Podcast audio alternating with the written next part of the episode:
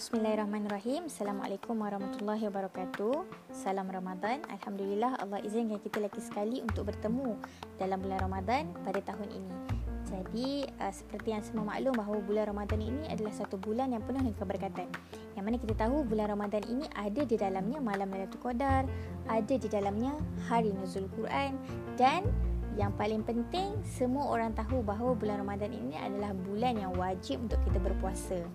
Jadi sebenarnya selain daripada kita berpuasa di bulan Ramadan, ada banyak lagi amalan-amalan sunnah yang kita boleh buat, yang boleh kita rebut untuk kita menghidupkan lagi keimanan kita sebagai seorang hamba. Jadi tajuk yang ingin saya kongsikan pada hari ini adalah tujuh amalan sunnah yang boleh direbut dalam bulan Ramadan ini. Jadi amalan sunnah yang pertama adalah bersahur. Bersahur bukan sahaja membantu kita untuk mengisi tenaga bagi persediaan berpuasa di siang harinya, tapi sebenarnya bersahur juga adalah satu amalan yang amat dituntut dalam Islam. Rasulullah sallallahu alaihi wasallam ada bersabda, "Bersahurlah kalian kerana pada sahur itu ada keberkatan." Hadis riwayat Bukhari. Jadi, selain kita bangun sahur untuk makan, elok kalau kita awalkan sikit bangun kita tu supaya kita dapat melakukan solat sunat tahajud dan juga membaca Al-Quran. Amalan yang kedua adalah memperbanyakkan doa. Menurut uh, mufti wilayah, sumber daripada mufti wilayah persekutuan, doa orang yang berpuasa adalah doa yang paling mustajab di sisi Allah kerana orang yang berpuasa akan mempunyai kedudukan yang tinggi dan istimewa apabila mereka berpuasa kerana Allah. Ada hadis daripada Nabi sallallahu alaihi wasallam uh, daripada Amr, Abdullah ibnu Amr radhiyallahu anhu sesungguhnya orang yang berpuasa itu ketika dia berbuka adalah doanya tidak akan ditolak. Hadis riwayat Ibnu Majah. Jadi rebutlah kesempatan di sepanjang bulan Ramadan ini untuk uh, grab peluang yang Allah bagi iaitu doa yang mustajab. Jadi antara doa yang amat digalakkan untuk baca terutamanya pada 10 malam terakhir uh, iaitu Allahumma innaka afu tuhibbul afwa fa'fu anni yang bermaksud ya Allah sesungguhnya engkau maha pengampun engkau mengasihi untuk mengampun maka ampunilah daku Kemudian amalan sunnah yang ketiga adalah bersedekah ataupun memberi makan orang berbuka.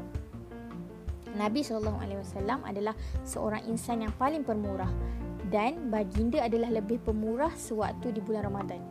Ada satu hadis yang menyebutkan tentang keutamaan memberi makan kepada orang berbuka. Barang siapa yang memberikan makanan berbuka kepada orang yang berpuasa, maka pahala baginya seperti orang yang berpuasa tersebut tanpa mengurangi sedikit pun pahala orang berpuasa itu. Hadis riwayat Nasai dan Tirmizi. Jadi boleh kita rebut peluang ini untuk banyakkan bersedekah, banyakkan memberi makan untuk orang berbuka. Amalan yang keempat adalah menyegerakan berbuka menyegerakan berbuka ni adalah salah satu daripada amalan yang sangat mudah untuk kita lakukan. Tapi yang paling penting, jangan lupa untuk kita niat menyegerakan berbuka itu adalah sebagai salah satu daripada amalan sunnah. Yang mana ada hadis uh, Nabi bersabda, manusia akan sentiasa berada dalam kebaikan selama mana mereka menyegerakan berbuka. Hadis ni hadis riwayat Bukhari dan Muslim. Jadi menurut riwayat Rasulullah akan berbuka puasa dengan beberapa butir kurma muda atau kita panggil rutab sebelum melakukan solat maghrib. Tapi kalau Nabi tak jumpa rutab, Nabi akan berbuka dengan beberapa tamar iaitu kurma kering. Dan kalau Nabi tak jumpa, Nabi akan berbuka dengan beberapa teguk air. Jadi nak cerita kat sini adalah Nabi berbuka uh, Nabi berbuka dengan apa yang mudah supaya dia menyegerakan berbuka tu. Ha, macam tu. Jadi amalan sunnah yang seterusnya yang kelima adalah saling mengingatkan kepada kebaikan. Bulan puasa ni sebenarnya dia bukan sekadar bulan untuk kita menahan lapar, tapi dia juga satu bulan yang membantu kita untuk mengawal nafsu daripada melakukan perkara-perkara yang buruk. Uh, jadi ada satu hadis riwayat Bukhari yang mengatakan barang siapa yang tidak meninggalkan ucapan dusta dan mengamalkannya maka Allah sudah tidak lagi memerlukan dia meninggalkan makanan dan minumannya. Jadi cuba kita jadikan bulan puasa ni sebagai satu titik tolak agar kita lebih berhati-hati dalam menekan butang share di media sosial kita.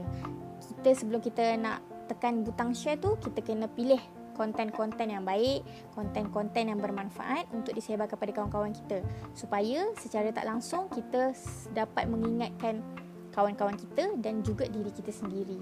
Seterusnya amalan yang keenam adalah menahan marah. Hadis riwayat Bukhari mengatakan puasa adalah perisai. Maka janganlah dia berkata-kata kotor atau berbuat bodoh. Apabila ada orang lain yang memerangi atau mencacinya, hendaklah dia katakan ini so'im. Iaitu aku sedang berpuasa sebanyak dua kali. Dalam hadis ni, nak menunjukkan bahawa kita disarankan ataupun dianjurkan agar orang yang berpuasa itu sentiasa bersabar dan sentiasa menjaga emosi daripada uh, menghamburkan kata-kata cacian dan uh, memberikan kata-kata yang tidak baiklah kepada orang lain. Bulan puasa ni kita kena banyak-banyakkan bersabar, kita kena banyakkan tahan marah. Dan amalan sunnah yang terakhir yang boleh direbut dalam bulan Ramadan ini adalah menghidupkan 2 per 3 malam. Seperti yang kita semua tahu, dalam bulan Ramadan ini Allah ada menyembunyikan satu malam yang istimewa iaitu malam Lailatul Qadar. Yang mana Allah ada sebut juga dalam Quran malam Lailatul Qadar ini adalah satu malam yang lebih baik daripada seribu bulan. Ada hadis daripada Aisyah radhiyallahu anha mengatakan bahawa apabila masuk 10 Ramadan yang terakhir, baginda sallallahu alaihi wasallam akan mengetatkan kain sarungnya, menghidupkan malam-malamnya dan mengejutkan ahli keluarganya. Ini adalah hadis sahih Bukhari. Nak menunjukkan Rasulullah sendiri pun tidak meninggalkan untuk uh, menghidupkan 2 per 3 malam. Jadi, kalau sebelum ni kita susah nak bangun malam, kita susah nak iktikaf, waktu ini adalah satu waktu yang paling tepat untuk kita memulakannya walaupun dengan sekecil-kecil amalan. Jadi itu sahaja daripada saya yang dapat saya kongsikan tujuh amalan sunnah yang boleh direbut selain daripada berpuasa di bulan Ramadan. Saya doakan kita semua direzekikan untuk bertemu dengan malam Lailatul Qadar dan saya doakan agar uh, ibadah puasa kita sepanjang bulan ini diterima oleh Allah dan segala doa yang kita minta dimakbulkan oleh Allah. Uh, sekian sahaja daripada saya. Yang baik itu datang daripada Allah, yang buruk itu datang daripada diri saya sendiri. Minta maaf mana yang kurang. Uh, semoga dapat amalkan uh, apa amalan sunnah yang telah saya sebutkan tadilah. Itu sahaja daripada saya. Assalamualaikum warahmatullahi wabarakatuh.